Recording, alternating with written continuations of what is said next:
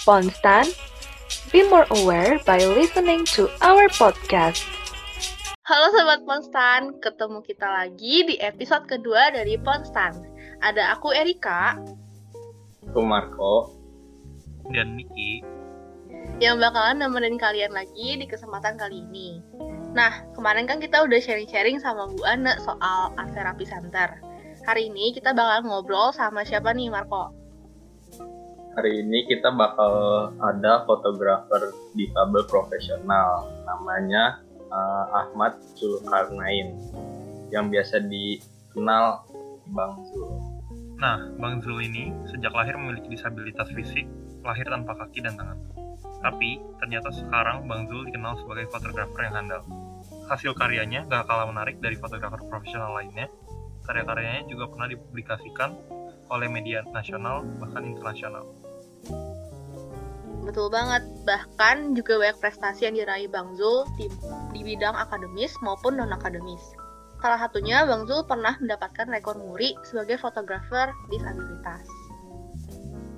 Nah, sekarang Bang Zul uh, memiliki bisnis di bidang fotografi yang dia namai Bang Zul. Langsung kita sapa aja narasumber kita hari ini.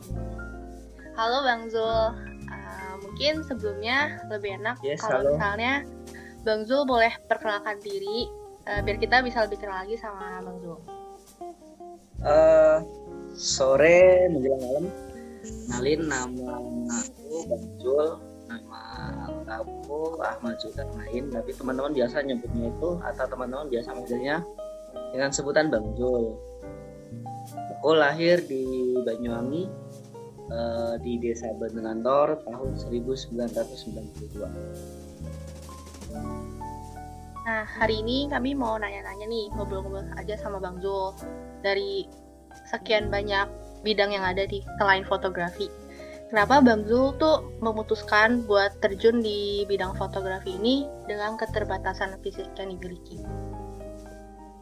Uh, fotografi itu asik sih, uh, kak gitu. Jadi fotografi itu salah satu kesibukan yang aku pilih setelah musik setelah olahraga skateboard terus kemudian uh, setelah olahraga berenang. Kenapa aku memilih kemudian lebih fokus ke fotografi?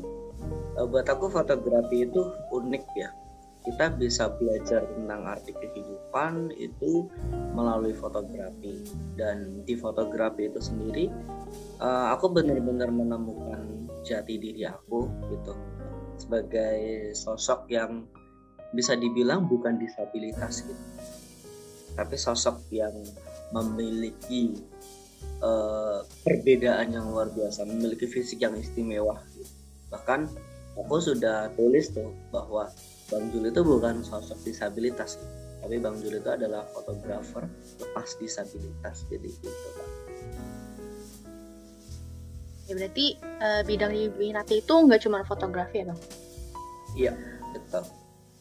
Uh, bang, uh, aku juga mau nanya nih, kan abang udah bisa sampai mencapai titik sampai sekarang. Terus juga aku udah research research, abang tuh pernah dapat penghargaan rekor muri ya bang? Hmm, uh, kalau rekor kalau rekor muri itu kita dapetin bareng-bareng sih, gitu. bukan bukan oh, bareng. bukan aku bukan aku pribadi. Jadi saat itu ada satu event uh, fotografi disabilitas lomba fotografi disabilitas di Bandung dan kebetulan juga pesertanya itu disabilitas semua dari seluruh Indonesia. Ya itulah yang kemudian uh, dilirik oleh rekor muri waktu itu. Gitu. Nah, aku mau nanya, um, kan bisa sampai mendapatkan rekor muri nih. Dari abang belajar dari mana gitu kayak fotografi atau ada pendidikan sebelumnya ada pendidikan fotografi gitu? Kalau aku awalnya otodidak sih, aku otodidak, aku belajar di dari YouTube, aku belajar dari Google. Kemudian uh, aku mendapatkan kesempatan untuk bisa uh, belajar fotografi di Darustika di sekolah fotografi di Senayan. Berarti awal dari Mbah Google gitu ya, Bang? Betul. Oke, okay, um, ada nggak sih selama abang di bidang ini kendala apa yang pernah dialami? Hmm, kendala yang dialami itu hmm, banyak sih kak, banyak kayak kayak apa namanya kayak kemudian aku lagi motret nih motret sesuatu yang kira-kira itu membutuhkan tenaga yang luar biasa ya kayak biasanya kan ada klien gitu yang pengen pengen dipotret di ketinggian gitu kan di tebing gitu kan di gunung kemudian di laut di air terjun. Itu yang kemudian menjadi tantangan tersendiri sih gitu. Dan dan dan aku nggak pernah menolak itu gitu. Aku nggak pernah menolak itu tapi aku selalu memberikan uh, dua pilihan gitu loh. Aku selalu memberikan dua pilihan aku selalu memberikan alternatif. Jika fotonya di sini nanti hasilnya seperti ini dan jika fotonya di sini nanti hasilnya seperti ini. Jadi klien selalu punya punya punya punya opsi gitu punya pandangan. Gimana sih yang kemudian mereka bisa dapetin foto bagus tanpa harus uh, susah payah untuk menuju medan tersebut gitu. Terus kami juga mau nanya nih bang. Apakah bang Zul pernah dipandang sebelah mata karena keterbatasan yang dimiliki? Uh, sampai sekarang pun sering. Dan buat aku itu sesuatu yang lumrah banget ya. Sesuatu yang hal yang sangat wajar gitu. Karena setiap manusia itu uh, punya cara pandang berbeda-beda sih gitu. Tapi kemudian ketika ketika ada orang yang memilih untuk merendahkan itu ya udah hak mereka. Tapi kita punya pilihan untuk membela gitu kan. Dengan cara apa sih membelanya dengan cara menunjukkan kelebihan kita gitu kan. Dengan cara kemudian kita membranding diri kita memperkuat mental kita. Itu sih yang aku lakuin uh, sampai saat ini. Jadi memperkuat mental ya yes. Bagaimana akhirnya Bang Zul bisa melewati kendala dan pandangan tersebut sampai bisa ke titik sekarang?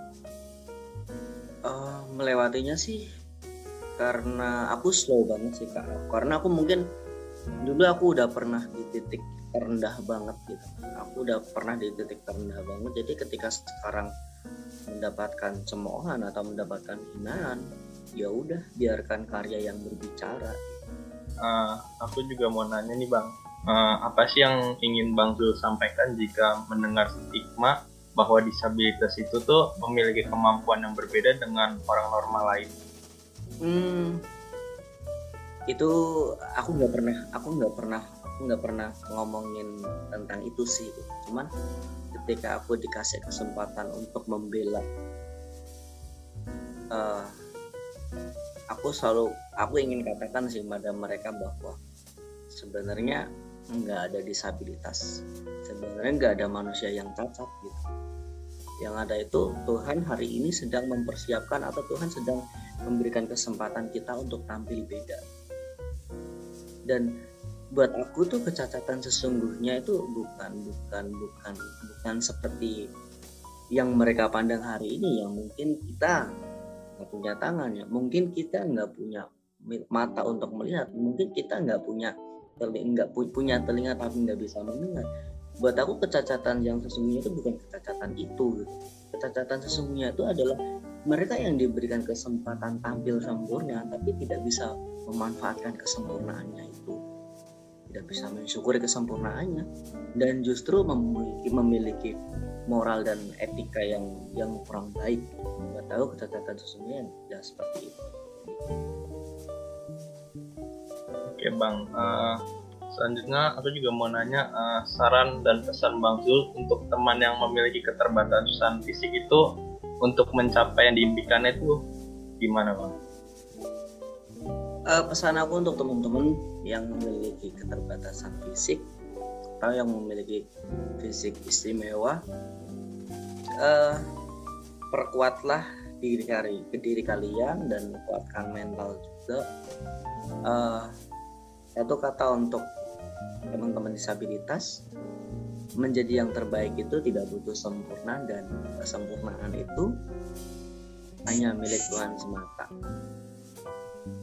Oke, okay, um, mungkin dari cerita Bang Zul, berarti nggak ada yang namanya halangan buat siapa pun, siapa pun tuh bisa uh, lakuin di bidang yang mereka mau. Yang penting mereka tuh ada kemauan ya bang kayak kalau bang Zul kan di bidangnya di fotografi tetap bisa belajar lewat Google gitu ya oke mungkin episode kali ini uh, segitu aja thank you banget bang Zul untuk waktunya mantap aku Erika Aku Marco. Dan Niki. See you on the next podcast.